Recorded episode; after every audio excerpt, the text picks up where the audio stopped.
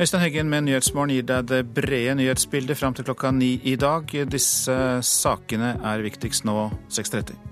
Dropper noen skattelettelser, kutter noen ytelser til asylsøkerne. Det er ventede tiltak når statsbudsjettet om flyktninger legges fram i dag. Ikke se på oss som utgifter, det sier to flyktninger fra Syria og Kosovo som vi skal møte. Tillatelser til handikapparkering misbrukes, stjeles og kopieres. Handikapforbundet kommer hit. Vi spør hva som kan gjøres med det. Og Justin Bieber ble sint, forlot konserten etter bare én sang i går kveld.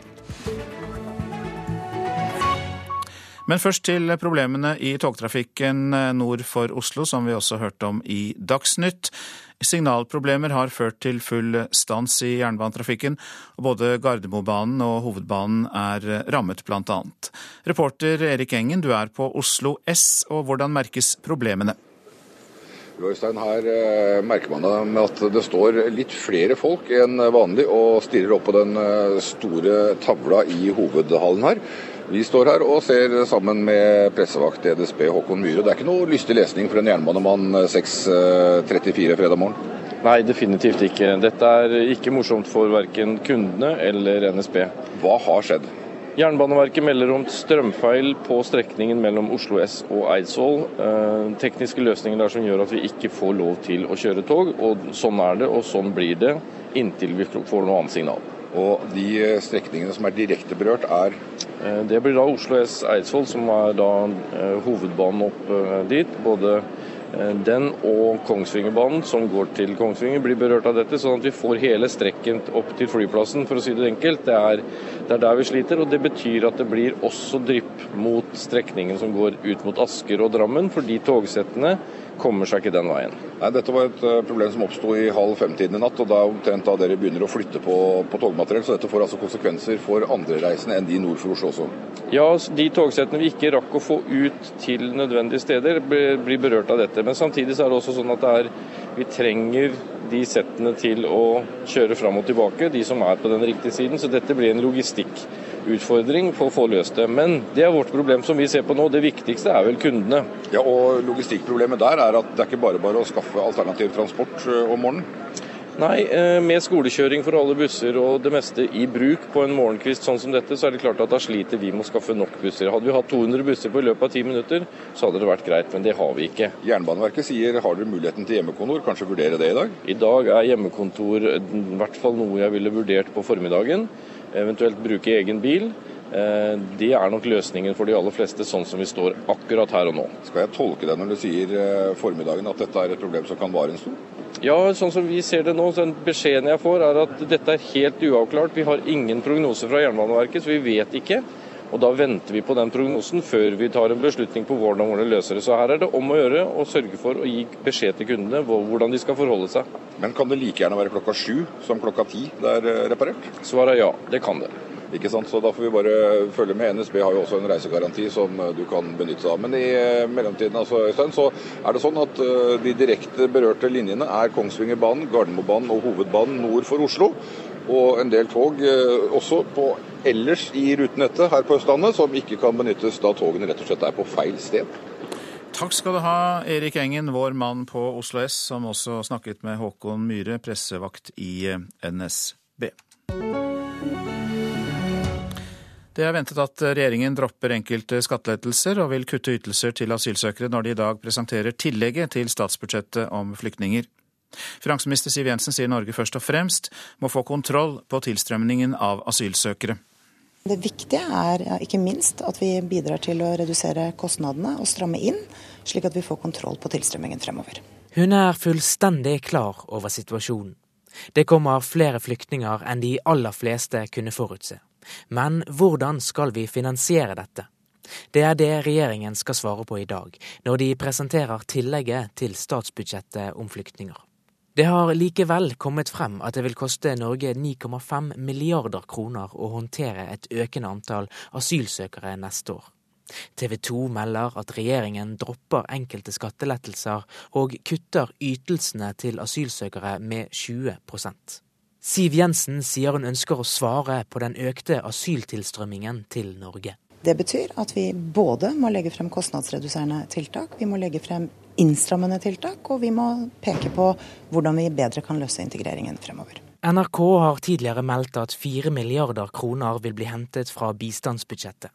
For å dekke regjeringens anslag på 66 000 ankomster i 2015 og 2016, ifølge VG. Men fasiten på hvilke tiltak regjeringen legger frem, får vi vite senere i dag. Sa reporter Eirik Tufteland Kroken. Slutt å se på oss som en utgift, det sier Navara Ashkar og Besa Emini, som flyktet fra krig i Syria og Kosovo. De mener flyktninger og asylsøkere er lønnsomme for Norge. Når vi var på asylmottaket, så var vi veldig isolert. Det var vi. Vi hadde nesten ikke kontakt med samfunnet. Vi satt bare der og venta på at ting skal komme i gang, og det tok så lang tid. 15 år gammel kom Navara Ashkar til Norge etter å ha flyktet fra Syria. Den lange ventetiden på mottak preget familien hennes. Besa Emini måtte flykte fra Kosovo, bare ni år gammel. Og også hun forteller om en vanskelig tid. Vi ventet på å få oppholdstilstand i to år. Og under den tiden så så jeg både mine foreldre både gjennomgå depresjon, de uh, kunne ikke anpasse seg pga. språket. De hadde ingenting å gjøre på hverdagen. Nå studerer de arbeids- og velferdsfag ved Høgskolen i Østfold, og målet er å hjelpe flyktninger ut i det norske samfunnet. I dag legger regjeringen frem et forslag til hvordan de skal dekke milliardutgiftene som flyktninger gir. De to studentene mener flyktninger vil bli lønnsomme for Norge hvis de raskt blir integrert bl.a. ved å få midlertidig arbeidstillatelse mens de venter, sier Remini. Menneskene som kommer hit er ressurser og kommer til å bidra til at vi får et sterkere og bedre land. Og min egen erfarenhet sammen med kunnskapen om hva sysselsetting gjør med oss mennesker. For det leder jo til at man eh, leser språket for det første gjennom praksis, og så uh, leder jo det til at man kan forsøke seg selv. I help the chef uh, here uh, because I have a lot. På det midlertidige mottaket på Ermen er Raji Josef fra Syria i full sving med å lage middag til beboerne. Han har vært i Norge en måned, og i stedet for å sitte på rom og kjede seg, hjelper han kokken på kjøkkenet. Han er utdannet slakter fra hjemlandet og har jobbet både på restaurant og som leder av et supermarked. Det er jobber han også vil ha i Norge. I can work in supermarket, I can work in restaurant, in hotel, anything. Would you like to do that? Yeah, of course. I love to work. Og det er nettopp jobb som kan forandre hele ventetiden for asylsøkerne, og spare samfunnet for utgifter. For isolasjon har sin pris, mener Ashkar. Det jo, skaper jo sykdommer, ikke bare psykiske, men andre sykdommer også. Og da gjør jo at man er sykmeldt. Da, da er du ikke fungerende i samfunnet. Så det er kjempeviktig å komme i arbeid, du være aktiv og føle seg at man gjør noe, at livet gir mening. De mener Norge må slutte å se på flyktninger som en utgift. Det gir en oppblomstring, mer enn det. Det er veldig viktig å se på det som positivt for at vi kunne klare å sette i gang tiltak, til tiltak, istedenfor å se på det negativt, at det, de er bare en byrde for samfunnet. Og Der hørte vi Navara Ashkar til slutt, reporter Anette Torjussen. Så til avisene, og eh, også i dag er flyktningflommen tema der. Asylsøkere møtes veldig forskjellig i Norge, Danmark og Sverige, skriver Aftenposten. Sverige gir permanent opphold, Norge gir midlertidig opphold i tre år, mens Danmark kun gir ett års opphold. Søppel, skitt og urin møter krigsflyktninger på Valsmoen transittmottak i Buskerud, sier frivillige som har jobbet ved mottaket til VG. Dette var trist å se, slik skal det ikke være, sier Hero-direktør Tor Brekke til avisa. Nærmere 5000 sivile er drept og såret i Afghanistan på et halvt år, skriver Dagsavisen. Ifølge Afghanistan-komiteen er det utrygt i de fleste områder av landet, og mange afghanere er også på flukt fra krig. Flyktningsjokk for kommunene, det er oppslaget i Adresseavisen. 60 000 flyktninger skal bosettes i løpet av to år, ifølge UDI. Opp mot 10 000 vil være mindreårige. Bolig, arbeid og aktivitetstilbud er det viktigste som må løses, sier områdedirektør i KS, Helge Eide. Skyhøy arbeidsledighet på 6% spår Statistisk sentralbyrå i Klassekampen i dag. I disse tallene er ikke den skjerpede kampen om jobber som flyktningstrømmen kan føre til, tatt med i beregningene fra SSB. Gazel ble født for 20 dager siden, da familien var på flukt fra Syria. Fedrelandsvennen forteller om storfamilien Nayar, som dro med gummibåt mellom Tyrkia og Hellas og videre opp gjennom Balkan. Natt til i går ankom de Åros i Søgne, og sier de er veldig glade for å ha kommet til Norge, med alle ni familiemedlemmer i god behold. Nasjonen forteller om et rekordår for melkebøndene her i landet. Mange kan vente seg store bonuser etter at Tine leverte tidenes beste kvartalsresultat. Noen bønder kan få utbetalt 100 000 kroner i bonus. Svenske og danske banker tar nye jafs av det norske lånemarkedet, får vi vite i Dagens Næringsliv. Den svenske Handelsbanken og Danske Bank slipper norske kapitalkrav, og gir dermed full gass i det norske markedet, skriver avisa. Vi vil gjerne ta DNA-test for å finne ut om vi har best gener for sprint eller langdistanse. Det sier ungdommer til Vårt Land, som eh, avisa har møtt i Oslo. Salget av slike tester har skutt i været. 10 000 gentester til gjenbruk er solgt hittil i år, og nå vurderer EU om salg av DNA-tester skal forbys. Folk misbruker handikapbevis på parkeringsplasser. Noen av handikapbevisene er stjålet, noen er forfalsket, noen er lånt bort til folk som ikke har rett på slik parkering. Og i Trondheim parkering kommer eh, man stadig over eh, misbruk av handikapbevis, for de er blitt veldig populære. Nei, Vi ser jo det at det er mange som prøver å få seg HC-kort på falske premisser. Enten eh, misbruk, at de kan låne en avdød bestemor sitt kort som ikke er blitt levert inn, eller at det kopieres og forfalskes på andre måter. Det sier Steinar Myhr, avdelingssjef i Trondheim Parkering. Om du har skaffet deg et slikt blått handikapbevis, og legger det i frontruta mens du parkerer i Trondheim mens du er på jobb, kan du svindle kommunen for over 100 000 kroner i året. Det er mye penger å spare på det, og pluss at de slipper å forholde seg til makstida på fem timer. Står du på en ordinær avgiftsplass, så slipper du å betale, det er det første, men du kan stå hele arbeidsdagen f.eks. Og dette er så attraktivt at stjålne bevis er blitt omsatt enkelte steder i Norge for opptil 60 000 kroner. Og noen tar også kopimaskiner og kopierer handikapbevis. Marit Sofie er parkeringsvakt i Trondheim, og hun har avslørt en rekke falske kort. Um, det kan være farveforskjeller. Um, måten uh, kortet er klipt på, det, er veldig mye som, som kan fenge min oppmerksomhet. For jeg vet veldig godt hvordan et kort skal se ut. Den tida jeg har vært der, så har jeg ca. funnet ti stykk. Nå står vi her på Trøndelag Teater, en av de plassene som har flest handikapplasser i, i byen. Det er fullt hele veien her? Ja, det er veldig mange som har rett til å stå her, som kommer bort til meg og er litt fortvila over at de ikke finner en plass. En del av de som blir tatt med falske kort, innrømmer hva de har gjort. Én hadde f.eks. laga et kort og fylt ut gyldighet til år 2025. Det blir et problem når ingen handikapbevis har mer enn fem års gyldighet. Alle saker blir anmeldt til politiet. Nei, Vi anmelder konsekvent. Hvordan tar politiet tak i disse sakene som dere videresender til? Først må jeg si at Vi har et veldig godt samarbeid med politiet i mange forskjellige settinger. Eh, akkurat når det gjelder anmeldelse av HC-forfalskninger, så har de vel hatt en litt dårlig trend. Påtaleansvarlig ved Sør-Trøndelag politidistrikt, Per Morten Brobakke, bekrefter at politiet i første omgang hadde henlagt flere av disse sakene. Ja, det er riktig at uh, vi etter klage fra Trondheim uh, parkering har omgjort uh, vår tidligere beslutning om henleggelse i noen saker. Da kan det jo se ut, i hvert fall for oss som ikke jobber i politiet, som at man i utgangspunktet har tatt litt lett på disse sakene. Ja, eh, men eh, her er det foretatt en vurdering, og vi har foretatt en fornyet vurdering og eh, ombestemt oss. Verre enn det er det ikke. Ja, Det sa påtaleansvarlig ved Sør-Trøndelag politidistrikt, Per Morten Brobakke, til reporter Morten Karlsen. Arne Lein, velkommen. Takk skal Du ha. Du er forbundsleder i Handikapforbundet, og dette har jo dere kjent til lenge, selvfølgelig. Hva er det mest graverende tilfellet du har vært borti?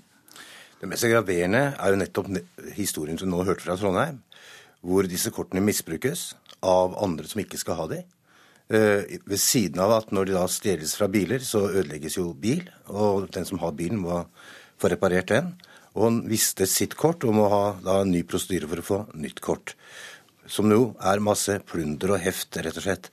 Og det er dette plunder og heftet, samt at kortene misbrukes og kommer i disfavør, som et gyldig bevis, det er de graverende tilfellene vi ser, og som er veldig, veldig beklagelig, selvfølgelig.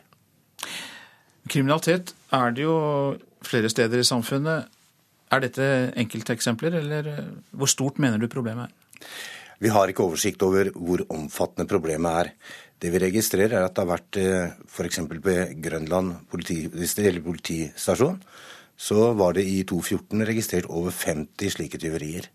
Slik at dette er et omfattende problem, og som myndighetene må ta mye mer på alvor, og politiet må ta mer på alvor. Fordi det er et verdipapir som noen må ha. Og når det da stjeles og misbrukes, så blir dette et stort problem. I bydelen Ealing i London det, var det så mange som stjal parkeringsbevis at de måtte innføre en ny type kort. Eh, kan det være aktuelt i Norge også, at man eventuelt bare har eh, registreringsnummeret på bilen eh, inne i en database for de som trenger handikapparkering? Slik som disse kortene fungerer i dag, og de skal jo selvfølgelig ligge synlig i bilen, ellers har de ikke noe mening med seg, så er de lett tilgjengelige og synlige for de som ønsker å ta de. Jeg hadde håpet på, og har sett noen prototyper på helt andre løsninger, som er en liten brikke, og så går parkeringsvakten med en leser og kan se om dette er, et, er et ekte, en ekte brikke. Eh, og hvor de nødvendige informasjonene kommer fram. Jeg hadde håpet man kunne komme fram til en løsning som var mye mer sikker for de som har kortene, og mye mer vanskelig å stjele eller kopiere enn det situasjonen vi har i dag. Men er dere helt i lomma på myndighetene her, eller kan Handikapforbundet presse på og kreve endring? Vi kan selvfølgelig kreve endring, slik som vi gjør i veldig mange, mange saker. Så vi er på ingen måte i lomma på myndighetene. Eh, samtidig så er det kommunene som sitter og forvalter disse systemene. Slik at det er kommunene som innvilger kortene. Og så er dette standardiserte kort også i hele Europa, faktisk. Slik at dette er altså et kort du kan bruke utenfor Norge. Og da, hvis en da skal gå over i en mer elektronisk verden rundt dette, så er det klart at da er det mye systemer som skal til for å få det til å fungere som et like god løsning som det som er i dag. Mange takk skal du ha, Arne Lein, forbundsleder i Handikapforbundet. Klokka passerte nettopp 6.50. Dette er hovedsaker i Nyhetsmorgen. Det er stans i jernbanetrafikken nord for Oslo sentralstasjon pga. strømfeil. Det går ikke tog på hovedbanen mellom Eidsvoll og Oslo. Flytoget er rammet, og det samme er Kongsvingerbanen. Dropper noen skattelettelser, kutter noen ytelser til asylsøkere. Det er ventede tiltak når statsbudsjettet om flyktninger legges fram i dag. Og vi har nettopp hørt at tillatelser til handikapparkering misbrukes, stjeles og eh, kopieres. Arne Lein, formuesleder i Handikapforbundet, går ut av døren nå. Han sa nettopp at han kanskje ønsker en ny type kort eller en digital løsning. England krever penger tilbake fra det internasjonale fotballforbundet Fifa etter blatteruttalelser om at avstemningen om VM i Russland i 2018 var kjøpt og betalt. England brukte nemlig millioner av skattepenger på kampanjen for å sikre seg mesterskapet, og nå krever de erstatning. Dette er en gedigen skandale, det sier kampanjesjefen for Englands VM-søknad Simon Johnson til The Guardian. Fifa må saksøkes, fortsetter han. Den suspenderte Fifa-sjefen Sepp Latter fortalte russiske TASS i går at VM i Russland ble gitt som en gave til russerne. Dette var bestemt før avstemningen. Det var med andre ord ingen reell konkurranse mellom kandidatene. I England ble det brukt rundt 280 millioner kroner på kampanjen, inkludert 33 millioner skattekroner. England, som sammen med Nederland, Belgia og Spania og Portugal var motkandidater til Russland, innser nå at alle pengene ble brukt forgjeves. Dette må vi granske nøye, det sier lederen av det engelske fotballforbundet Greg Dyke.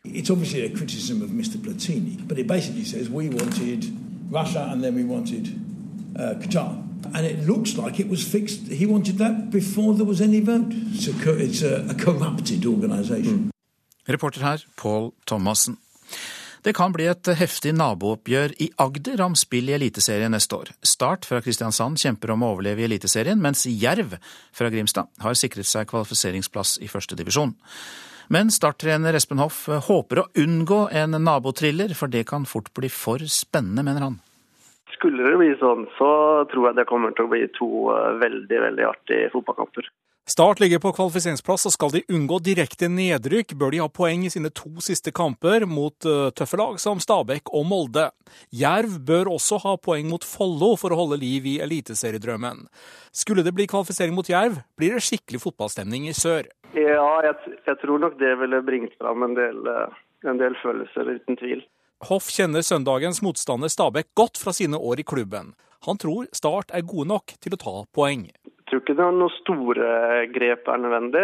Vi har jobba godt en stund, men vi har ikke fått uh, verken resultatene eller prestasjonene ut sånn som vi hadde tenkt. Uh, Klarer dere å holde humøret oppe og se positivt på dette her? Ja, vi gjør det. Det er selvfølgelig en utfordring det er i en sånn tid som vi har vært gjennom. så med de trøkkene som har kommet, så, så, er det ikke alltid like hyggelig på mandagene. Men, men, med tanke på situasjonen, så vil jeg si at spillergruppa har holdt eh, et overraskende godt humør. Og For de som er spent på resultatene, så kan vi jo da si at siste runde av førstedivisjon går søndag, mens det gjenstår to runder i Eliteserien. Reporter her også var Pål Thomassen. Justin Bieber avbrøt konserten i Oslo i går kveld etter bare én låt, etter å ha blitt irritert på publikum som sølte vann på scenen. En håndfull jenter som eh, sto eh, aller først, blir nå hetset i sosiale medier av Bieber-fans fra hele verden. I just need you guys to get warmed up so I can. Hey, no, what are you doing? Yo, yo, yo, what are you doing? Stop it! Come on, I said stop it. Yo, what are you doing? Come on. Hundrevis av fans foran scenen på Chateau Neuf i Oslo i går kveld, idet det plutselig går opp for dem at Justin Bieber mener alvor. Han har bare spilt én låt, men akter ikke å komme tilbake på scenen. Guys,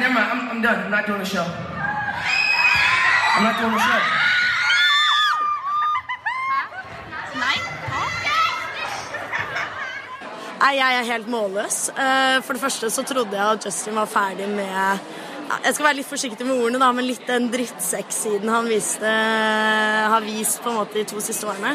Eh, men dette her syns jeg faktisk var ordentlig dårlig gjort overfor fansen. Det sier Karen Brynildsen, som er journalist i Top Girl. Hun var en av de tusen utvalgte som var til stede i salen. Greit nok at han kom med en unnskyldning på Instagram, at han er sliten, han har jobbet kjempehardt. Men vi visste at han skulle hjem etter dette her. Dette var siste showet. Så dette syns jeg var ordentlig skuffende. Nei, Det var noe som tulla med at han skulle vaske opp det vannet. Og så ble han litt irritert, tror jeg. Så orka han ikke mer. Er du skuffa nå? Ja. Nyheten om Justin Biebers avlysning i Norge går nå verden rundt, og i sosiale medier henges jentene som sto på første rad på konserten, ut av andre fans på groveste vis. På Facebook-kontoen til den ene jenta hagler det med ukvemsord på ulike språk, selv om også noen tar henne i forsvar.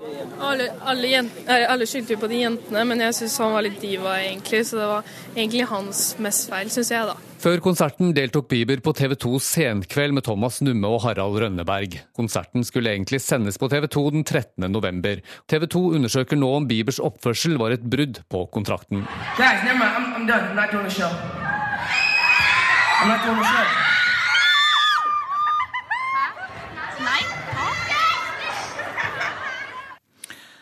Og gårsdagens Bieber-drama det ble fortalt av reporter Petter Sommer. I morgen er det halloween. Også i Norge har den amerikanske måten å feire det på bredt om seg, og mange barn kler seg ut og går fra hus til hus for å få godteri. Reporter i Kristiansand Hans Erik Veiby spurte voksne om hva de syns om dagens halloweenfeiring. Ja, Vi må jo markere det med tanke på barna våre, da. Det er jo de som syns eh, dette er stas. Hva er det de gjør da? Nei, det må jo, har vi vært akkurat og kjøpt inn forskjellige småting da, til godteri og litt sånn småpynting og feire de døde, da. Ja, de skjønner vel kanskje ikke det helt sjøl, men Nei, Du vet hvorfor vi, man markerer halloween? Nei, Det er jo for å markere de døde, da. Feire de. Jeg har ikke noe sans for det at du skal feire de døde på den måten som, som det blir lagt opp det her. Jeg syns det er andre ting som er viktigere enn det. Ja, jeg syns det er greit for de som syns det er greit, men jeg er ikke med på det. Hvorfor ikke? Det, det er liksom, Vi er ikke vant til det i vår generasjon. Det er noe nytt. litt, litt skummelt. Deler vel ut noe godteri hvis det kommer noen unger på døra, men that's it. Nei, jeg syns det er tull. Det er akkurat som med alt det andre. Det er for å få penger ut av ungene. Penger, penger, penger. Det er dyrt. Det er noe, det er noe sånn Amerika-tull, vet du.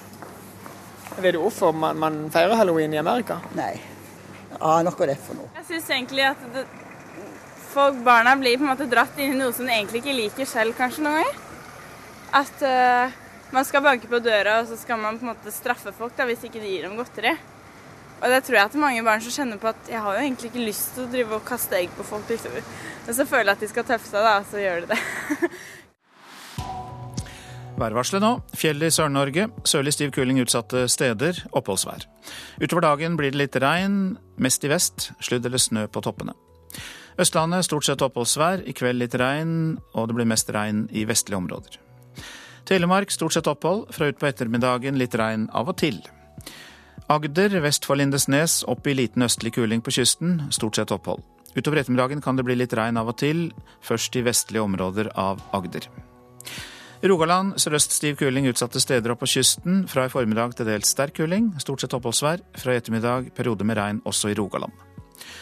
Hordaland og Sogn og Fjordane sørøst liten kuling utsatte steder og oppholdsvær. Fra i ettermiddag stiv kuling utsatte steder, og i kveld sørlig sterk kuling på kysten.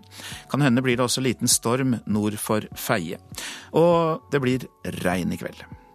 Møre og Romsdal opphold og dels pent vær. Fra ettermiddag sørøst liten kuling utsatte steder. I kveld sørlig stiv kuling. Og det blir litt regn i kveld. Først kommer regnet på Sunnmøre. Trøndelag liten sørøst kuling utsatte steder, stort sett pent vær. Seint i kveld litt regn lengst sør. Nordland fra ettermiddag sørlig opp i liten kuling i Lofoten og Vesterålen. Til dels pent vær, etter hvert eh, noe tilskyende fra sør. Troms opphold og pent. Finnmark først på dagen periodevis liten kuling øst for Nordkapp. Opphold og stedvis pent vær. Og Nordensjøland på Spitsbergen vestlig stiv kuling utsatte steder. Snø eller, og etter hvert overgang til litt regn eller sludd. Temperaturer klokka fire. Svalbard lufthavn minus to. Kirkenes minus tre. Vardø og Alta minus to. Tromsø minus tre. Bodø pluss fire. Brønnøysund seks. Trondheim to. Molde fire. Bergen og Stavanger ti. Kristiansand sju. Gardermoen tre. Lillehammer fire. Røros minus to og Oslo-Blindern pluss seks. Her i Nyhetsmorgen får du mer informasjon og kommentarer til flyktningebudsjettet. Ikke se på oss som utgifter, sier to flyktninger som kommer fra krig i Syria og Kosovo. Tusenvis av menneskeliv kunne vært spart dersom ebolavaksinen hadde blitt utviklet tidligere. Og valg i Tyrkia søndag klarer president Erdogan å skaffe seg stort nok flertall til å gi presidentembedet mer makt denne gangen. Ja, Vi hørte i Dagsnytt at ventetiden i asylmottak vil øke i tiden som kommer, ifølge Utlendingsdirektoratet UDI. og En av årsakene er den lange saksbehandlingstiden der. Regjeringen legger i dag fram forslag til ekstra milliarder for å håndtere asylstrømmen. Og tiden det tar å behandle asylsøknader vil øke nesten uansett. Det sier UDI-direktør Frode Forfang. Ja, Vi må forvente at saksbehandlingstiden eh, øker, og det er nesten uavhengig av hva slags eh, kapasitet vi får tilført, fordi det tar tid å få tilstrekkelig kapasitet på plass. UDI ansetter nye saksbehandlere, men de må læres opp. Eh, og vi får et litt skjevt forhold mellom erfarne og nye saksbehandlere. Så saksbehandlingstiden kommer til å øke fremover. Hvor mye den kommer til å øke, det er det vel vanskelig å si noe om. For det kommer også an på hvor mange asylsøkere som kommer både resten av året i år, og ikke minst hvor mange som kommer neste år. Syriske asylsøkere, som det nå er flest av, må i dag vente opptil nesten et år før de får svar. For andre nasjonaliteter kan ventetiden være enda lenger. I mellomtiden bor asylsøkerne i mottak. Og nå går botiden opp, ifølge Forfang. Både fordi saksbehandlingstiden vår blir lengre, men også fordi at vi må forvente at det tar lengre tid å bosette i kommunene, i og med at det etter hvert da vil bli en lengre kø også i, i det løpet. Slik at eh, den totale botiden i mottak må vi forvente eh, vil øke i tiden som kommer. Ventetid i mottak koster penger. Og regnestykket som statsminister Erna Solberg presenterte i sin redegjørelse for Stortinget 13.10, slår sprekker.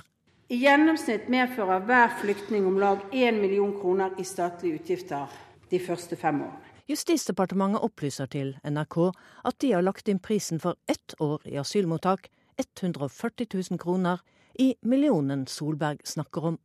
Men allerede i sommer var gjennomsnittlig botid nesten ett og et halvt år. Kortere ventetid lønner seg, sier Forfang. Ja, Det er nokså åpenbart at eh, kostnaden for staten blir lavest hvis vi klarer å få kortest mulig saksbehandlingstid og raskest mulig bosetting. Eh, alt som kan bidra til å korte ned eh, tiden i mottak, vil redusere de totale kostnadene for staten, også i det lange løp. UDI-direktør Frode Forfang og reporter Katrin Hellesnes. Slutt å se på oss som en utgift, det sier Navara Ashkar og Besa Emini, som flyktet fra krig i Syria og Kosovo. De mener flyktninger og asylsøkere er lønnsomme for Norge.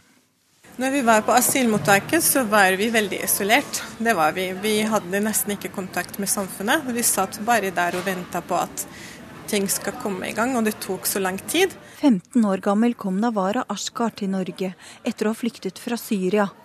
Den lange ventetiden på mottak preget familien hennes. Besa Emini måtte flykte fra Kosovo, bare ni år gammel.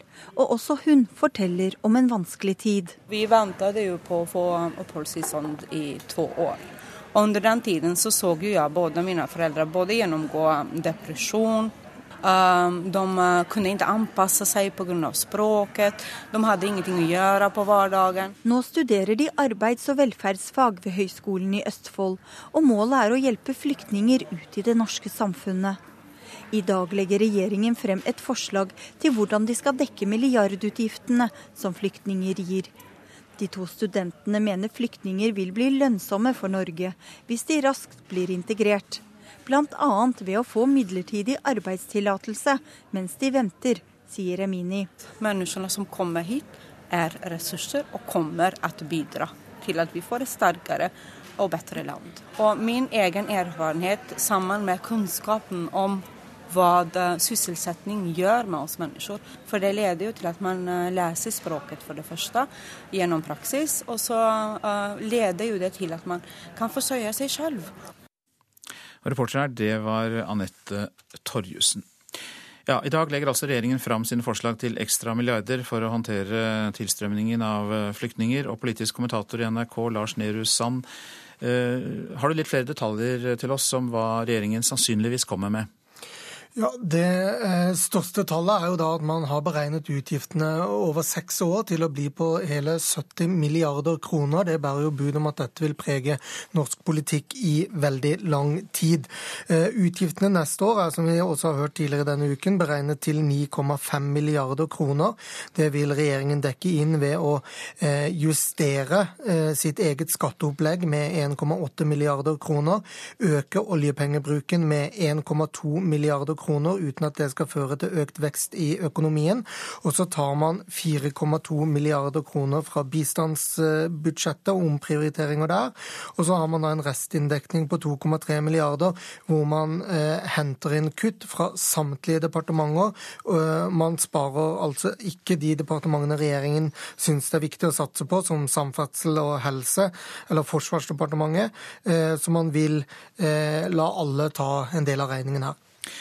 Du snakker altså om en eh, god del kutt og omfordelinger, Lars Nehru Sand. Men eh, TV 2 meldte vel i går at det også da kan bli kutt i ytelsene til eh, asylsøkerne med opptil 20 ja, det er eh, Regjeringen foreslår kutt i eh, det som blir eh, regnet som ytelsen eller dagpengene til asylsøkere. Der gjør man det litt ulikt for de som bor i transittmottak, altså venter på å få søknaden sin behandlet, og de som venter på å bli bosatt. Man skjermer også barnefamilier i håp om at dette skal gi en sosial profil som sentrumspartiene også vil godta. Det er lett å få bred oppslutning om i Stortinget.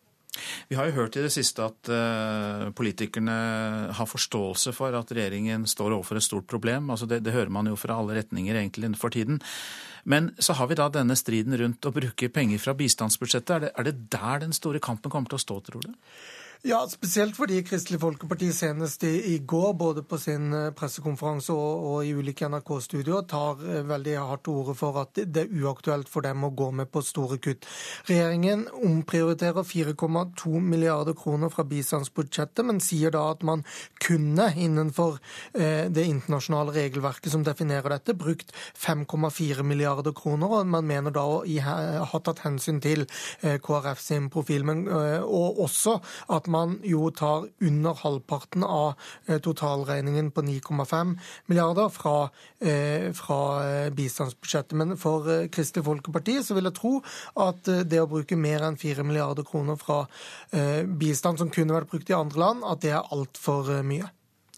Og så hørte vi for noen minutter siden at UDI sier ventetiden i asylmottak vil øke, og at det også da vil øke asylregningen. Men det er vel ikke tatt med i beregningene? Til en viss grad er det det, og det er derfor regjeringen presenterer et regnestykke på seks år. fordi da får man femårsvirkning, den, delen, eller den tiden integreringsprogrammet skal ta. Både for flyktningene som kommer i år og neste år, altså fem år fra i år, men også fem år fra neste år. Eh, men, men, man, eh, men det man eh, nå gjør, er at at man presenterer en regning som, som er stor eh, flere år eh, frem i tid. Eh, og man har da tatt med seg eh, den ventetiden i asylmottak til en viss grad. Men det som er regjeringens problem, og som spørsmålet ditt viser godt, er jo at dette er en vesentlig kapasitetsutfordring så vel som en økonomisk utfordring. Nettopp. Takk skal du ha i denne omgang, Lars Nehru Sand. Og det blir altså klokken tolv at dette da blir lagt fram eh, av regjeringen. Tusenvis av menneskeliv kunne vært spart om verdenssamfunnet ikke hadde vært så trege med å utvikle ebolavaksinen. Det mener John Arne Røttingen, som er smitteverndirektør ved Folkehelseinstituttet. Selv var han sentral i testingen og ferdigstillingen av vaksinen, og han slår fast at vaksinen kunne vært ferdigstilt et halvt år tidligere så var jo dessverre prognosene at man kunne frykte eh, opp mot en eh, halv million smittede. Selv om det ikke gikk så galt da ebolaviruset herjet i fjor, ble flere land i Vest-Afrika rammet veldig hardt. Verdens helseorganisasjon slår alarm om ebolaepidemien. I Sierra Leone blir portforbudet som er innført pga. ebolaepidemien. Epidemien har til nå krevd over 750 liv i Vest-Afrika. Hele 11 000 mennesker døde av virussykdommen, som ble oppdaget for over 40 år siden. Jon Arne Røttingen ved Folkehelseinstituttet var sentral i arbeidet med å teste den nye vaksinen mot ebola. Men han mener samfunnet reagerte altfor tregt, og at konsekvensene har vært store. Og Vår vurdering er at mest sannsynligvis kunne vi hatt de resultatene rundt årsskiftet 2020. 2014-2015, eh, og kanskje et halvt år da før vi, vi, fikk resultater. Og Det ville ha spart mange tusen menneskeliv i denne situasjonen. For problemet er at ingen er ansvarlige for å utvikle og investere i vaksiner og legemidler som trengs ved lignende sykdomsutbrudd. Hei, Hei, men denne uken er helsetopper fra hele verden samlet i Oslo for å diskutere nettopp hvordan vi i fremtiden skal være bedre forberedt mot lignende sykdomstrusler. Vi er nok ikke godt nok forberedt. Vi vet ikke hvor nye utbrudd kommer. Det kan komme hos oss, men det kan komme helt andre steder. Men det vi jo vet, er at det sprer seg raskt med den økte reising og handel som, for, som vi har i verden i dag. Og frykten er at vi nok en gang står tomhendte mot det neste viruset som tar liv. Vi står i den samme situasjonen ved et nytt utbrudd av en, av en ny infeksjonssykdom. At vi ikke har gjort nødvendige investeringen i grunnleggende forskning. Og For å spare menneskeliv mener Røttingen det nå er viktig at verdens ledere tar ansvar for at utvikling av medisiner og vaksiner ikke bare skjer hos legemiddelindustrien. Det er utfordringer som ingen land kan håndtere alene. Ikke engang USA, som er punkt en stormakt både eh, generelt, men også da særlig innenfor biomedisinsk innovasjon. De, det må være et internasjonalt samarbeid for å kunne få til dette. Reporter her, det var Oda Marie Midtbø. Klokka den nærmer seg kvart over sju. Dette er hovedsaker. Dropper noen skattelettelser, kutter noen ytelser til asylsøkerne. Det er ventede tiltak når statsbudsjettet om flyktninger legges fram i dag. Tusenvis av menneskeliv kunne vært spart, hørte vi, om verdenssamfunnet ikke hadde vært så trege med å utvikle ebolavaksinen. Og det har vært stans i jernbanetrafikken nord for Oslo sentralstasjon, men eh, noe av trafikken begynner å komme i gang igjen, og vi skal høre mer om det. For det var signalproblemer og strømbrudd som førte til stans i trafikken nord for Oslo. Det gjaldt jo da både Gardermobanen og Hovedbanen. Og sist du var inne, Erik Engen fra Oslo øst, så hørtes det ganske trist ut. Og togene sto og sto, men eh, det har blitt bedring? Hei sann. God dag, god dag. Da mater du meg gjennom til P2s nyhetsmål. Der hører vi Erik Engen, så vi vet vi har kontakt med han, men jeg tror ikke han hørte spørsmålet. Vi prøver igjen. Uh, Erik Engen, er det blitt uh, en bedring i uh, jernbanetrafikken nord for Oslo? Det har det blitt uh, nå. og det er en veldig mye blidere Håkon Myhre, pressevakt i NSB, vi, vi står med her. Når vi ser opp på tavla her nå, så ser det bedre ut enn det gjorde noen minutter over halv sju. Ja, nå smiler vi igjen. vet du. Nå kan vi kjøre tog, og det er det vi elsker. Så det er klart at uh, dette er bra for alle våre reisende. Nå kan vi melde at Oslo S Eidsvoll er åpnet, Oslo S Kongsvinger er åpnet, og vi klarer å kjøre tog til Gardermoen, som mange trenger. Det var eh, stengt fra klokka halv fem til nå rett før klokka sju. og Det vil føre til at en del tog ikke er der de er, og at det blir en del såkalte følgeforsinkelser utover. Ja, følgeforsinkelser får vi, men eh, det viktigste budskapet der nå blir jo å si til folk at det er bare å gå til stasjonen. Så første toget som kommer, er det om å gjøre å komme seg med, så kommer man seg dit man skal. Men det er klart å få ryddet alle tog, sånn at de passer inn i den ruteplanen som ligger. At de kommer til akkurat det nøyaktige minuttet. Det tar nok en times tid. Men togene går nå. Men eh, det har ett problem igjen, eh, Øystein, og det er at de får ikke sagt fra over høyttaleranlegget ut på stasjonene sine, NSB. Så da kan jo vi hjelpe til, da. Der du står nå, vit at togene er eh, gjenopptatt. Da får vi bare snakke til alle de hundretusener av høyttalerne på radioene rundt i landet og si at trafikken er i gang igjen, men at det kan være noen følgeforsinkelser, som Håkon Myhre fortalte deg, Erik Engen. Takk skal du ha. Nå til eh, forhandlingene om eh, Syria. Saudi-Arabia krever at eh, Iran må akseptere at president Assad går av. Det skjer i forkant av dagens toppmøte. I natt har det kommet meldinger om at Iran ikke lenger tviholder på kravet om at Assad skal bli sittende. Og disse to landene, Iran og Saudi-Arabia, altså, er jo tungt inne på hver sin side i eh, borgerkrigen og møtes i dag. Midtøsten-korrespondent Sigurd Falkmer Mikkelsen, derfor er du med oss. USAs utenriksminister John Kerry møtte sin iranske kollega Mohammed Jawad Zarif i går kveld for å, før det internasjonale møtet i Wien. Og hva kom ut av disse tosidige samtalene? Ja, Dette var først og fremst et møte mellom USA og Iran om de neste skrittene i atomavtalen, eh, og hvordan den skal følges opp. Det var altså et bilateralt møte, og Kerry skal også ha tatt opp eh, amerikanske borgere som holdes eh, fengslet i Iran. og Jeg antar at dette gjelder Washington Post-korrespondent Jason Rezian, som har vært holdt fengslet i Iran i halvannet år. Det har ikke kommet noe ut om disse samtalene også dreide seg om Syria. Men Iran og Saudi-Arabia, at de møtes, er jo et positivt signal. Men uh, hvordan er, uh, hva er de største vanskelighetene når de nå skal møtes for å kanskje bli enige om Syria? Jeg tror ingen eh, i Wien som forventer et uh, gjennombrudd. Tysklands utenriksminister f.eks. Eh, Frank Walter Steinmeier har vært helt tydelig på det i forkant. og Det er også de signalene som kommer fra diplomatisk eh, hold. Fordi avstanden mellom partene her eh, er så stor. Jeg tror, sånn som jeg tolker det, at det viktigste nå er å hindre et sammenbrudd i disse samtalene. At de får anledning til å sende ut noen følere for å finne ut om det er mulig å finne felles grunn på litt sikt. og Da er det da særlig mellom Iran og Saudi-Arabia som står på hver sin side her, og som har et meget anspent forhold. Risikoen med dette møtet er at de finner ut at det ikke er noen mulighet til å komme fram til noen løsning, og at de nå går hvert til sitt og trapper opp konflikten. Eh, samtidig så er det jo et endret eh, strategisk bilde med at Russland er eh, så tett involvert.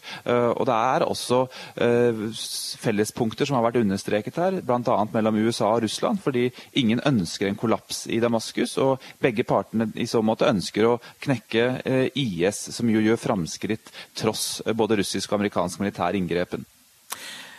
Men Verken Syrias største politiske opposisjonsgruppe eller de væpnede opprørerne er invitert til disse samtalene i Wien. Hvorfor ikke? Dette er et internasjonalt uh, møte om, uh, hvor da partene ikke er involvert. Assad-regimet er jo heller ikke invitert. Det er altså deres støttespiller, internasjonale støttespillere som skal prøve å komme, til, komme fram til en løsning. Og de forsøkte jo å ha alle partene samlet i Genéve. Det kom de ingen vei med, fordi opposisjonen var splittet og Assad-regimet ville ikke gi noen ting. Det har vært snakk om at det kommer en oppfølgingsseanse der partene deltar. Eh, men det er så mange splittede fraksjoner her at det er vanskelig at de skal komme fram til noen enhetlig løsning. Hvordan skal vi tolke signalene om at Iran kanskje ikke lenger står 100% bak Syrias president Bashar al-Assad? Ja, disse, dette er eh, Hossein Amir Abdullayan som har sagt dette. Dette er en av Irans utenriksministre og han som sitter på Syria-politikken. Han har tette bånd til Irans revolusjonsgarde og en innflytelsesrik eh, mann. Det er i og for seg interessante signaler. Eh, problemet er at han har sagt dette lenge. Jeg intervjuet ham for ett år siden i Teheran, og det var det første gang han sa dette offentlig, at de ikke var gift med Bashar al-Assad. Det var uttrykket han brukte. Problemet er at politikken de har ført eh, så langt, peker i en annen retning. Eh, at de ønsker, eh, at de ikke vil at Assad skal gå av, at de vil beholde det sittende regimet. Spørsmålet er om de er villige til å endre på dette. Mange takk, Sigurd Falkenberg Mikkelsen, Midtøsten-korrespondent. Vi beveger oss bare litt lenger nordover til Tyrkia. Det blir holdt nyvalg der søndag. Regjeringspartiet AKP, som president Recep Tayyip Erdogan tidligere var leder for, klarte ikke å skaffe seg et styringsdyktig flertall ved valget i juni. Valgkampen denne gang har vært preget av vold og uro. Camilla Nereid, god morgen til deg. Du har skrevet doktorgrad om moderne tyrkisk historie, er med oss fra studio på Tyholt, og du er dekan ved Høgskolen i Sør-Trøndelag. Velgerne i Tyrkia sa sin mening 7.6. Hvorfor har president Erdogan utskrevet nyvalg? Det er jo fordi at man eh, ikke lyktes å få til en eh, koalisjonsregjering som var nødvendig den gangen, fordi AK-partiet, til tross for at det ble desidert det største partiet, så var det ikke stort nok til å skaffe seg eh, til å ha flertall for å danne regjering alene. På en meningsmåling i går hoppet regjeringspartiet fram med hele 6 prosentpoeng til 47,2% Hva ville det innebære hvis det ble resultatet? Det ville jo da være tilstrekkelig til at AK-partiet kunne danne regjering alene. Men det er vanskelig å stole på valgmålinger. Det kommer an på hvilket opinionsbyrå som har gjennomført undersøkelsen. Jeg tror du kan finne valg, opinionsmålinger som vil gi støtte for det ene og det andre partiet fram og tilbake i oppslutning her. Gradvis og gjennom flere år så har jo forholdet mellom den tyrkiske staten og den store minoriteten med kurdere blitt bedre. Eh, men så ble det brått slutt eh, nå, og eh, hvorfor brøt denne forsoningen sammen? Ja, Det er et veldig interessant spørsmål. Fordi vi har jo tidligere, før, før, det siste valget, så har vi jo sett at AK-partiet har hatt stor oppslutning blant velgere også i de kurdisk-dominerte områdene i øst. Så det har jo vært en, en reell politisk rivalisering mellom AK-partiet og det prokurdiske HDP-partiet. Eh, det er jo også veldig pussig at det er et sammenfall i tid mellom at eh, det prokurdiske partiet da for første gang eh, får nok eh, oppslutning til å komme over sperregrensen på 10% og altså får en plass i det tyrkiske parlamentet. Et veldig viktig skritt for en demokratiutvikling i Tyrkia. Dette følges da samtidig i tid med at PKK gjenopptar sin terrorvirksomhet på tyrkisk territorium. Så her må man jo spørre seg om hva som er agendaen til de ulike partene. og det det kan vi ikke svare på, for det er veldig vanskelig å få tak i et eh, solid informasjonsgrunnlag her, når det drives en eh, helt ekstrem propagandakrig i eh, alle tyrkiske medier, i hvert fall. Ja, og så er det jo fullt av konspirasjonsteorier om hvem som står bak terrorangrep også. Hvorfor fylles Tyrkia med så mange konspirasjonsteorier og beskyldninger om at myndighetene står bak terror, og beskyldninger fra myndighetene om at kurdere gjør det?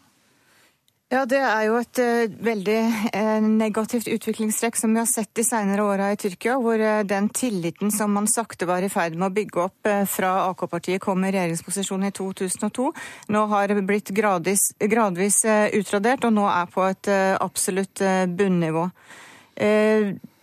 at IS også i Tyrkia ikke bare er en ytre trussel, men også en indre trussel, kompliserer jo det bildet her. IS har jo en egen eh, agenda og har jo, eh, fører jo en kamp både mot Tyrkia og mot eh, PKK. Eh, og det finnes jo mange IS-celler på tyrkisk eh, territorium, og de to store terrorangrepene som vi har sett i Tyrkia det siste halvåret, nemlig Soruc i juli og i Ankara nå i oktober, er det jo eh, faktisk da eh, tyrkiske kurdere med IS-tilknytning som har, eh, har, stått bak. Takk skal du ha, Camilla Nereid, som er dekan ved Høgskolen i eh, Sør-Trøndelag. Det er altså valg i et komplisert og mangfoldig land, Tyrkia, på søndag. Nå til avisene. Asylsøkerne møtes veldig forskjellig i Norge, Danmark og Sverige, skriver Aftenposten. Sverige gir permanent opphold, Norge gir midlertidig opphold i tre år, mens Danmark gir midlertidig opphold kun i ett år. Søppel, skitt og urin møter krigsflyktninger på Valsmoen transittmottak i Buskerud, sier frivillige som har jobbet ved mottaket til VG. Dette var trist å se, slik skal det ikke være, sier Hero-direktør Tor Brekke til avisa. Nærmere 5000 sivile er drept og såret i Afghanistan på et halvt år, skriver Dagsavisen.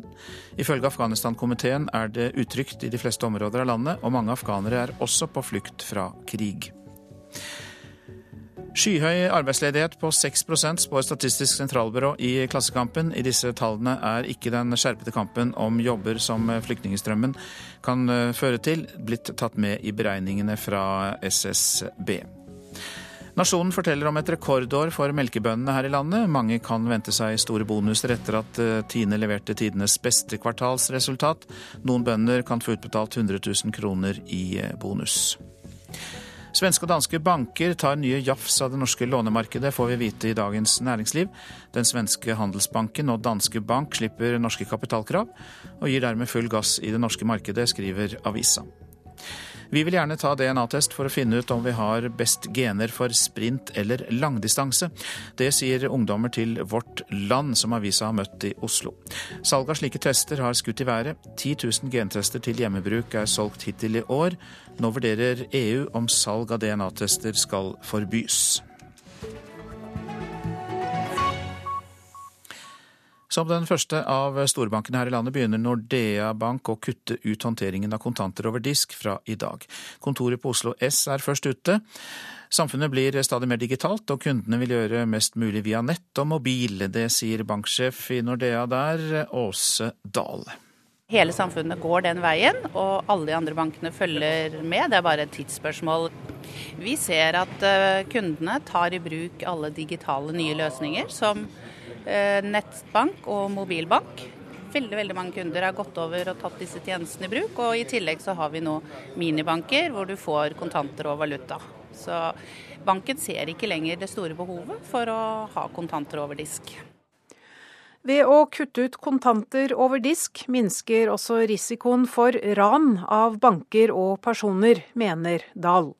Det er risiko forbundet med kontanter, og det tar banken ansvar for, både når det gjelder våre kunder og ansatte og samfunnet. At vi eh, er med på den veien hvor samfunnet går, at det skal bli kontantløst, og dermed redusere risiko. Kunde Torstein Skje sier han aldri går i banken for å ta ut eller sette inn penger, men er likevel overrasket over at banken slutter med kontanter over disk. Det høres veldig rart ut, for eh, jeg tror ikke alle Eh, greier å forholde seg til en automat av Oslos befolkning. Eva Strøm er også overrasket over utviklingen. Hun er i banken for å få valuta til en reise til Singapore, men ellers er hun sjelden i banken. Da blir det vel bare Gardermoen, da. Mm. Jeg syns det er håpløst. jeg syns det. Det er det må jeg si. For oss som er litt eldre, så syns jeg det er håpløst. Jeg må alltid ha kontanter på meg. Har jeg ikke det, så føler jeg meg helt naken. Men du skal ikke reise langt før du trenger klingende mynt. Mens under 5% av betalingene i Norge skjer kontant, er det helt motsatt i store deler av Europa og verden, forteller banksjef Åse Dahl. Norge har kommet utrolig langt i forhold til andre land, og du skal ikke reise langt utenfor de norske grenser før du merker at det, er kanskje mer vanlig med kontanter også. Sverige kommer også veldig nært opp til løsningen vi har i Norge. Men du skal ikke så langt nedover i Europa før du merker at det er eh, kontanter som er håndterbart. Åse Dahl i Nordea til reporter Nina Didriksen. Produsent i dag Ulf Tannes Fjell, her i studio Øystein Heggen. Per Sandberg og Bård Vegar Solhjell møtes til duell om hvordan Norge skal takle flyktningstrømmen i Politisk kvarter kvart på åtte.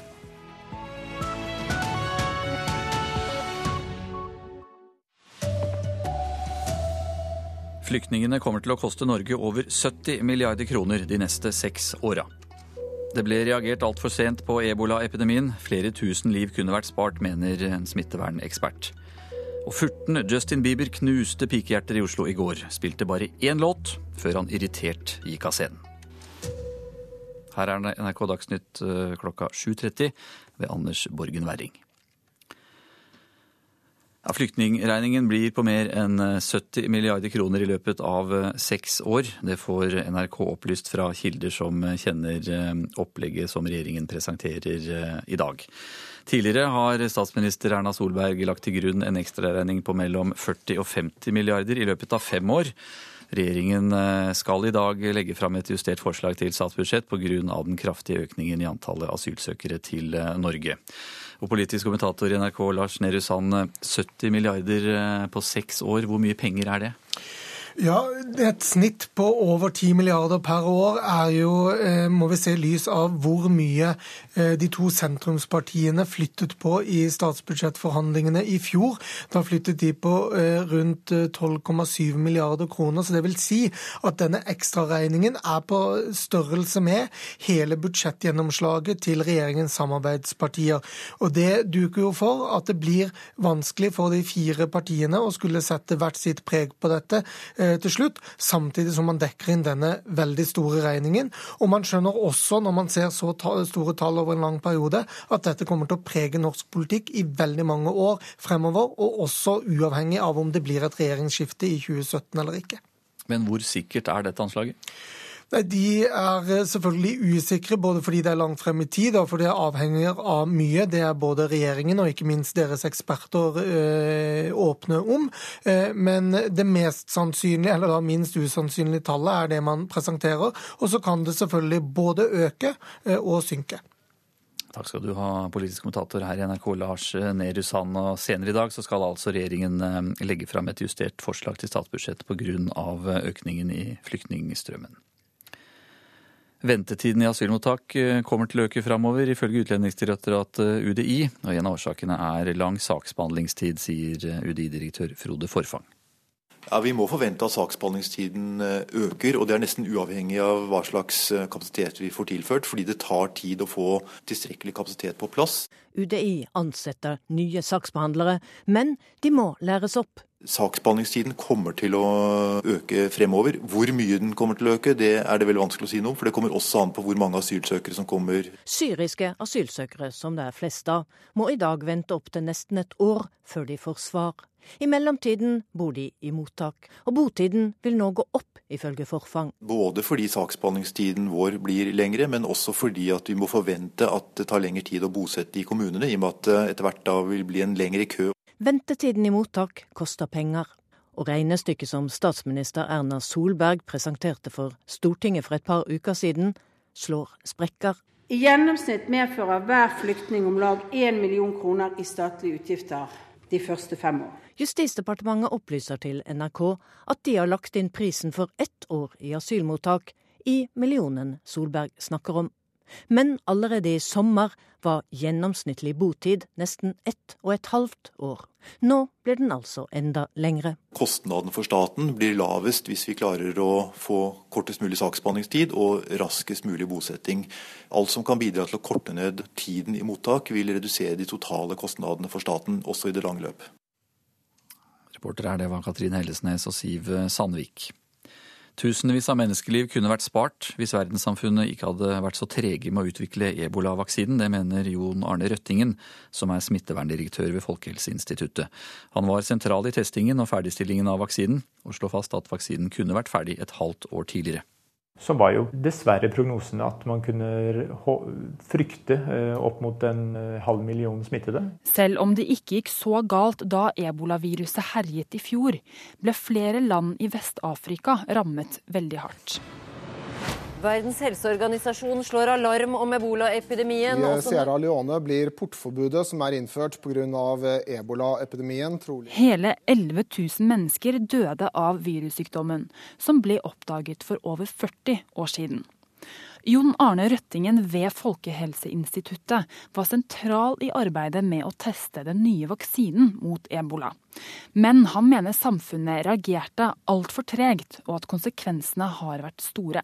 Og Vår vurdering er at mest sannsynligvis kunne vi hatt de resultatene eh, og kanskje et halvt år da før vi, vi fikk resultater. Og Det ville ha spart mange tusen menneskeliv i denne situasjonen. Og For å spare menneskeliv mener Røttingen det nå er viktig at verdens ledere tar ansvar for at utvikling av medisiner og vaksiner ikke bare skjer hos legemiddelindustrien. Når det gjelder det at vi ikke hadde tilgjengelige legemidler og vaksiner, så kan du si at da er det verdenssamfunnet som sviktet. Vi kan ikke peke på en organisasjon som sviktet og ikke leverte uh, disse nye produktene. For det var ingen som hadde fått det mandatet. Det er utfordringer som ingen land kan håndtere alene. De, det må være et internasjonalt samarbeid for å kunne få til dette. Reporter Oda Marie Midbø. Ingen i Europa opplever mer tidspress på jobben enn arbeidstakere i Norden. Mest presset på tid er svenskene og finnene, men danskene, nordmennene og islendingene stresser hakk i hæl, ifølge en undersøkelse fra det europeiske arbeidsmiljøorganet. 71% i Norge rapporterte om tidspress, mens bare 15 og 16% gjorde det samme i Tyrkia og Litauen. Folk misbruker handikapbevis på parkeringsplasser. Noen av handikapbevisene er stjålet, noen forfalsket og noen lånt bort til folk som ikke har rett på slik parkering. Trondheim parkering kommer stadig over misbruk av handikapbevis. vi ser jo at det er mange som prøver å få seg HC-kort på falske premisser. Enten eh, misbruk, at de kan låne en avdød bestemor sitt kort som ikke er blitt levert inn, eller at det kopieres og forfalskes på andre måter. Det sier Steinar Myhr, avdelingssjef i Trondheim Parkering. Om du har skaffet deg et slikt blått handikapbevis, og legger det i frontruta mens du parkerer i Trondheim mens du er på jobb, kan du svindle kommunen for over 100 000 kroner i året. Og dette er så attraktivt at stjålne bevis er blitt omsatt enkelte steder i Norge for opptil 60 000 kroner. Marit Sofie er parkeringsvakt i Trondheim, og hun har avslørt en rekke falske kort. Ehm, det kan være farveforskjeller. Ehm, måten eh, kortet er klipt på, det, det er veldig mye som, som, kan fenge min oppmerksomhet. For jeg vet veldig godt hvordan et kort skal se ut. Alle saker blir anmeldt til politiet. Nei, Vi anmelder konsekvent, det gjør vi. Eh, I mange tilfeller så ringer vi opp eh, den som er den berettigede eieren av kortet, og, og slår av en prat. Og Da får vi ofte en tilståelse, enten at det det er han sjøl som har kopiert kortet og har det i flere forskjellige biler. Eller at det kan være andre praktiske løsninger for han som gjør at han ønsker det sånn. Men vi kommer jo også over folk som produserer og enten selger eller gir bort til venner. Det sa påtaleansvarlig ved Sør-Trøndelag politidistrikt, Per Morten Brobakke, til eh, reporter Morten Karlsen. Justin Bieber avbrøt konserten i Oslo i går kveld etter bare én låt og etter det etter å ha blitt irritert på publikum som sølte vann på scenen. En håndfull jenter som sto på første rad, blir nå hetset i sosiale medier av Bieber-fans fra hele verden.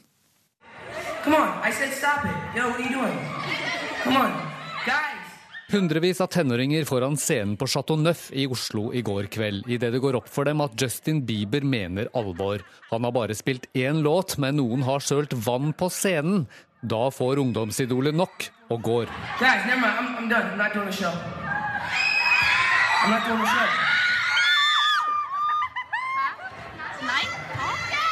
Nei, jeg er helt målløs. Eh, for det første så trodde jeg at Justin var ferdig med Jeg skal være litt forsiktig med ordene, da, men litt den drittsekk-siden han viste, har vist på en måte de to siste årene. Eh, men dette her syns jeg faktisk var ordentlig dårlig gjort overfor fansen. Det sier Karen Brynildsen, som er journalist i Top Girl. Hun var en av de tusen utvalgte som var til stede i salen. Nei, Det var noe som tulla med at han skulle vaske opp det vannet. Og så ble han litt irritert, tror jeg. Så orka han ikke mer. Er du skuffa nå? Ja. Nyheten om Justin Biebers avlysning i Norge går nå verden rundt. Og i sosiale medier henges jentene som sto på første rad på konserten, ut av andre fans på groveste vis. På Facebook-kontoen til den ene jenta hagler det med ukvemsord på ulike språk, selv om også noen tar henne i forsvar. Alle, alle, jent, alle skyldte jo på de jentene, men jeg syns han var litt diva, egentlig. Så det var egentlig hans mest feil, syns jeg, da.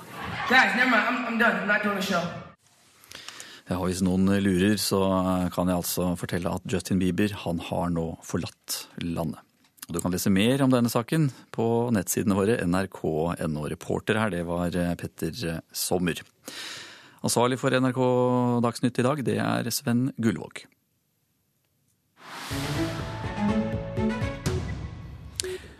Her er Nyhetsmorgen om prins Charles og Romania. Da prinsen av Wales opprettet sin første stiftelse utenfor samveldelandene, så falt valget på Transilvania i Romania. Prins Charles har nemlig forelsket seg i denne vakre regionen og har besøkt den ofte. Og den britiske tronarvingen har også en transylvansk oldemor, med aner tilbake til en beryktet historisk figur. I happen to think the small smallholder is absolutely crucial to the maintenance of food security. It can't all be done by gigantic corporations. Langkorva går i ei transilvansk eng. Slåttekarene er kledd i sine beste bunader, for prins Charles er på besøk igjen. Siden 1988 har han vært en hyppig gjest i landsbyen Viskri, som han vitjer én gang i året. Han eier to gjestgiveri i den saksiske landsbyen som står på verdensarvlista til Unesco.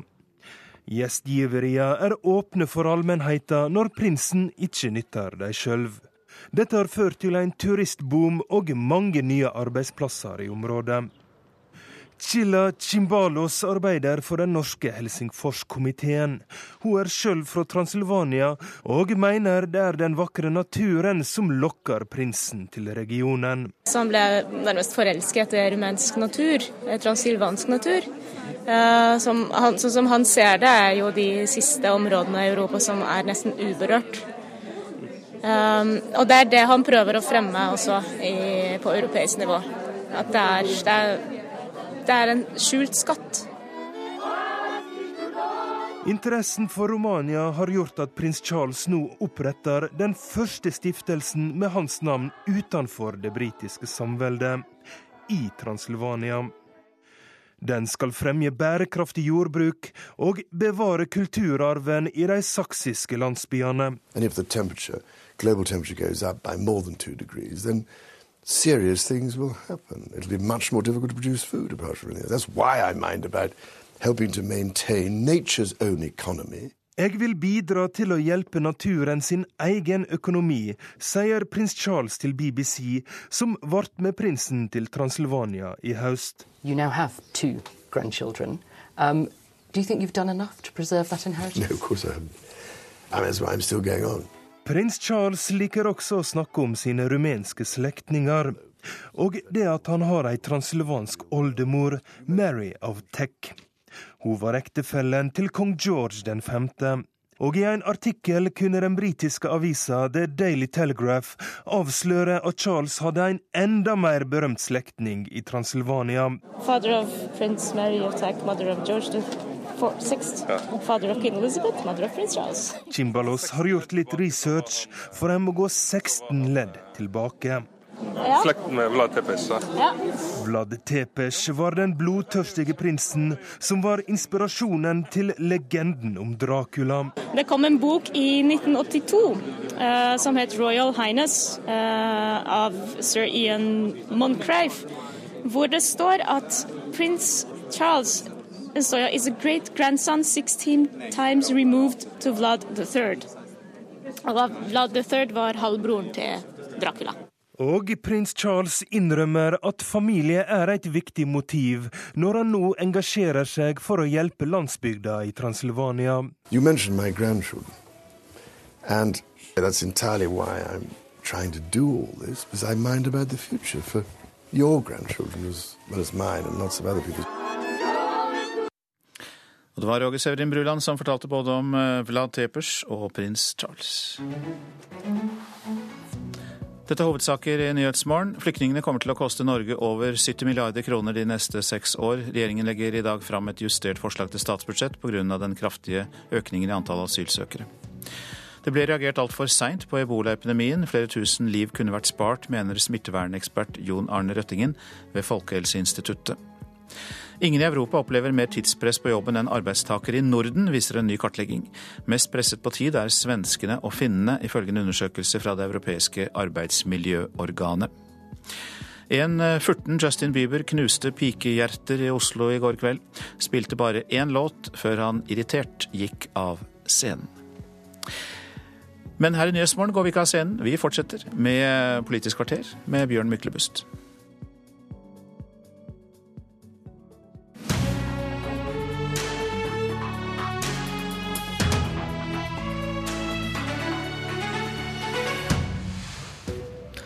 Asylregningen kommer i dag. Løpet er kjørt, det er bare å betale, sier Per Sandberg. Nå er det fremtiden det handler om. Bård Vegar Solhjell er enig. Han sier Norge står foran et avgjørende veivalg. Men der stopper nok enigheten. Klokken tolv kommer regjeringen på svaret på hvor mye asylsøkerne som kommer til Norge vil koste neste år, og et forslag til hvordan det kan betales. Nestleder i SV, Bård Vegar Solhjell, god morgen. God morgen. Du sier vi står ved et veivalg, og at svaret nå må bli 'dette klarer vi'. Hvor mange asylsøkere mener du Norge klarer å ta imot per år fremover? Så det første lederansvaret er å, å forklare at vi kommer til å klare det. Dette her er helt håndterbart. For Europa så snakker vi om en promille av Europas befolkning som har kommet hit til i år. Det en litt større andel for Norge, men eh, vi er ikke blant de landene som har den tøffeste utfordringen. Men heller ikke den letteste.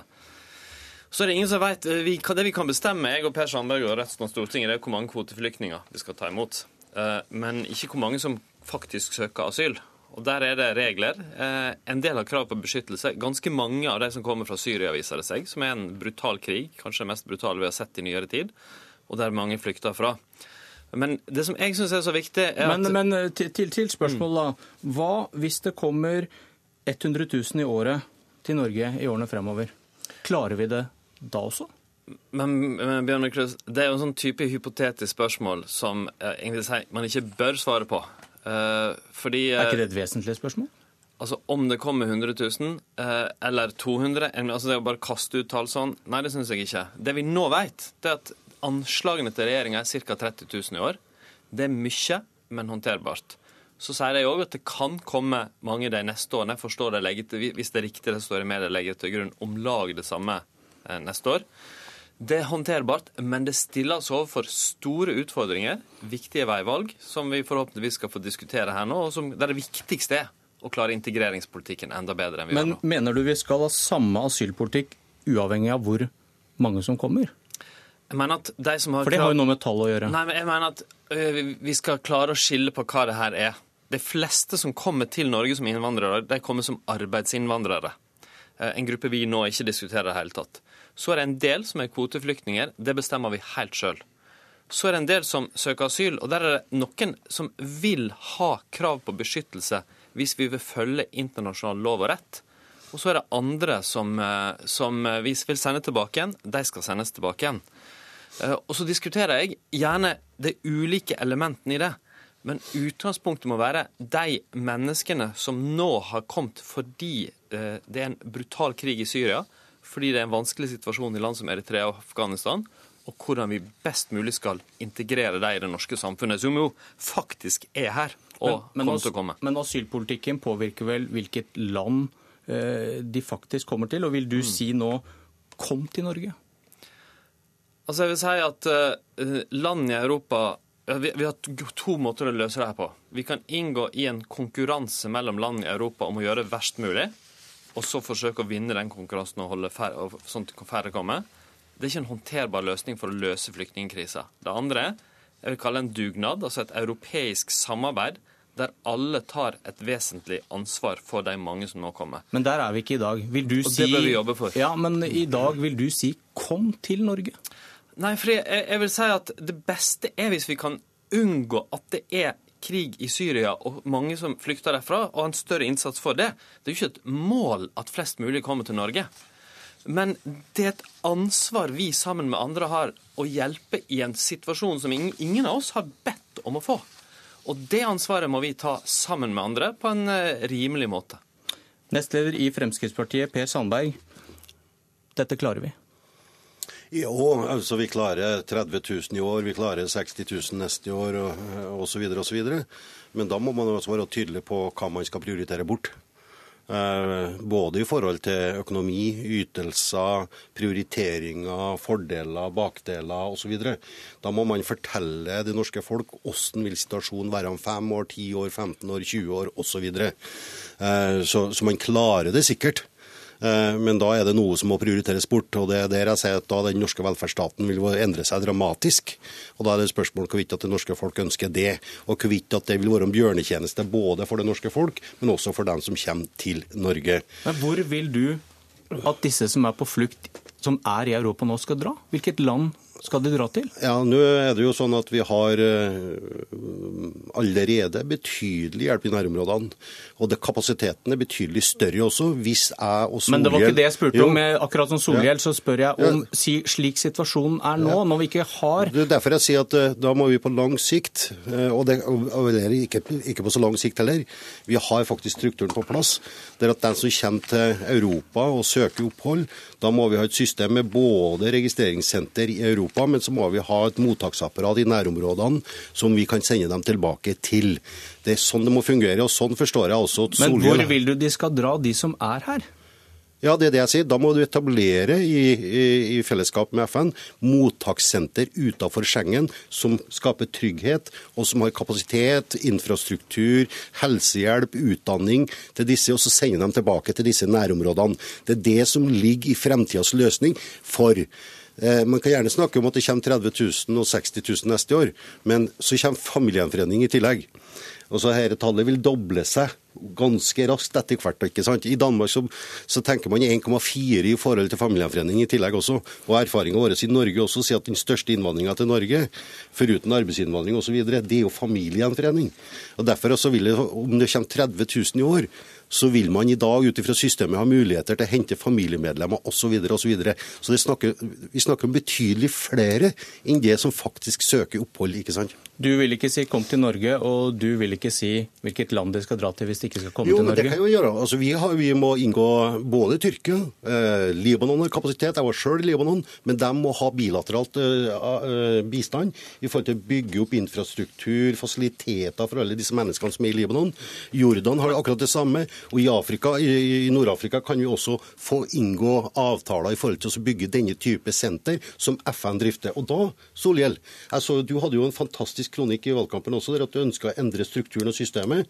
Vi har sikkert ikke samme målet. Mange fantastiske Ja, men, men det er sikkert ikke samme målet, men du også ønsker å endre det urettferdige systemet i dag. Og da må vi gjennomgå i fellesskap med det internasjonale samfunnet både asylinstituttet og FNs flyktningkonvensjon, som ikke er tilpassa 2015. Men, men, Du svarte ikke på spørsmålet. Jeg sier at en del skal komme til Norge. Men det vi må jobbe med, er en fordeling, en ansvarsfordeling mellom land i Europa. Jeg tror det er den eneste virkelige løsningen. Er du enig med meg i at en god del må komme til Norge? Men at vi må da ha en ansvarsfordeling mellom land i Europa? Ja, men Jeg vil ikke ha det i Europa. Jeg sier at Vi må bygge opp en Men, men de som er i Europa i dag, da? Vi må bygge Ja, de skal ut av Schengen. Så du vil kaste ut de som kom til Norge fra Norge nå? Ut til mottakssenter som driftes av FN i nærområdene. Så får FN ta denne fordelinga er- også overfor Europa. Jeg, sier ikke, jeg sier ikke at Norge ikke skal ta imot flyktninger, mennesker på flukt, men det systemet vi ser nå, det er direkte urettferdig.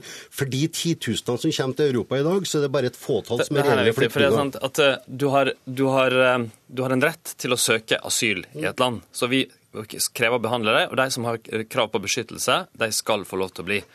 Og Det vi historisk sett har opplevd i Norge, det er at vi har hatt en veldig god integreringspolitikk. De som er barn av eh, innvandrerforeldre, de tar etter hvert utdanning, de kommer i jobb, de blir fullverdige og viktige deltakere i det norske samfunnet, bidrar masse. Det som er jobb nummer én nå, i tillegg til å forklare at vi håndterer det, det er å føre en integreringspolitikk som er enda bedre enn vi har gjort. Og Hvis jeg får ta, noen korte stikkord. Punkt én. Muligheten til å jobbe så raskt som mulig. Det verste for mennesker som skal være her lenge, det er hvis det er år med passivitet, frustrasjon, konflikter på et mottak et eller annet eh, sted langt unna folk. Eh, Språkopplæring fra begynnelsen av, rett til barnehageplass så for barna så de kan komme i kontakt med andre. Og ikke minst at vi må pålegge kommunene akkurat som vi pålegger dem skole, og eldreomsorg og andre ting, å ta imot flyktninger som må bli bosatt i en kommune og bli en del av samfunnet raskt. Men du, vi, vi er alle sammen er vi enige om å styrke integreringspolitikken. Så er vi uenige i hvorvidt at den har vært god eller middels eller dårlig de siste 15-20 årene. De Siden jeg, jeg kom på Stortinget i 1997, så har vi sagt akkurat det du sier. Tallene er klare. Vi har ikke lykkes med å integrere så godt som vi har ønska oss alle sammen. Men så er det sånn at nå kommer det altså eh, 10 000 nye. Norge i en situasjon der at arbeidsledigheten øker, og så tror man faktisk at man skal lykkes bedre framover med integrering og skaffe jobb til alle dem som kommer til Norge. Det syns jeg er litt naivt, dessverre. Men det er klart at det er muligheter. For jeg har vært i valgkampen så har jeg besøkt opplæringssenter. Fantastisk. Der at mange eh, som har kommet til Norge nå får norskopplæring, arbeidstrening osv. Der er det kompetanse, der er det kapasitet. Men det var den som kom før 2015.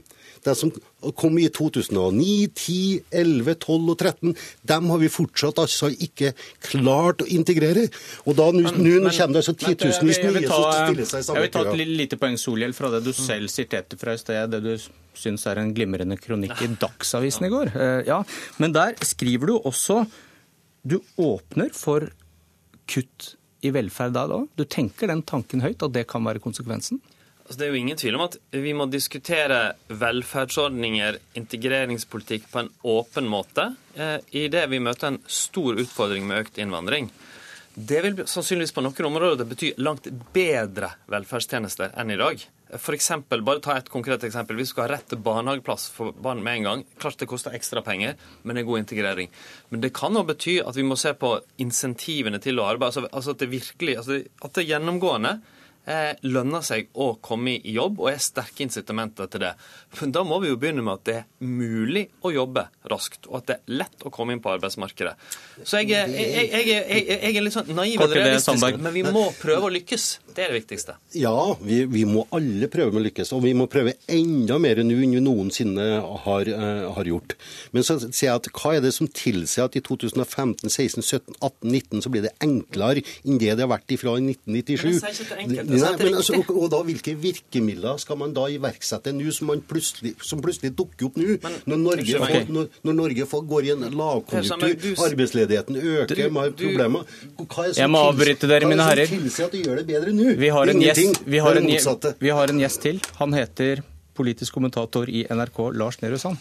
Ditt fulle navn der. Løpet er kjørt, det er bare å betale, mener Per Sandberg. Er det sånn du leser det? Problemet blir ikke budsjettet for neste år, men årene som kommer. Langt på vei har Sandberg rett i det, i den forstand at dette handler ikke bare om et kortsiktig økonomisk budsjettspørsmål for neste år. Landet må få et budsjett, og det kommer Stortinget til å, å vedta før, før, juleferien. Men det dette er, er jo et kapasitetsproblem i en stor kjede av asylsystemet vårt. Helt fra den aller første registreringen og intervjuet til mottak og bosetting. Det er sikkerhet underveis, det er tilsyn fra fylkesleger. det er Alt vi har i vårt system må skaleres opp for å håndtere en eh, asyltilkomst vi aldri tidligere har måttet håndtere. Eh, så det er ikke sånn at det er en umulig oppgave, men det er en krevende oppgave. Og det er en oppgave som vil vare over år. Dette er ikke en, en sånn sak hvor man ser at neste år kommer det veldig mange, og så blir det bra igjen. Poenget er at neste år kommer det mange, eh, året etter der kommer det mange, eh, og vi vil dra med oss eh, folk som har kommet kommet i år som ikke er blitt intervjuet lenger eh, ennå, f.eks. Eh, så dette eh, er en hel asylkjede som vil, vil måtte oppskaleres, og hvor man vil ha en treghet i hvor raskt folk kommer igjennom den, den kjeden. Både SV og Frp som sitter her, sto utenfor et forlik om 8000 Syria-flyktninger. Hvordan vurderer du de to fløypartienes mulighet til å bli med på bredt forlik om asyl- og innvandringspolitikken for årene som kommer? For Fremskrittspartiet så vil nok et eventuelt nytt forlik bli så altomfattende at for Frp som regjeringsparti vil det være vanskelig, nærmest umulig, å stå utenfor det. Eh, samtidig så vil jo Frp måtte vise til at de er det partiet som har mest troverdighet på å føre en restriktiv eh, innvandringspolitikk. De kan risikere å tape noe imagemessig, nær sagt, for, på være en av alle i, i, norsk politikk. For SV så er jo dette en ypperlig anledning til å nok en gang vise at de står tydelig til til venstre for Arbeiderpartiet, hvis Arbeiderpartiet blir med på et sånt forlik. Men jeg leser mange i SV dit hen at det er ikke noe mål for SV å stå utenfor et forlik bare for å stå utenfor. Så jeg tror både SV og Frp vil se om eh, smertegrensen deres eh, er sånn at man eh, kan gå inn i det som da blir et veldig bredt forlik om et veldig konfliktfylt saksfelt i norsk politikk, nemlig innvandringspolitikken. Og klokka tolv får vi vite mer om neste år og årene som kommer. Jeg heter Bjørn Myklebust, og dette var Politisk kvarter.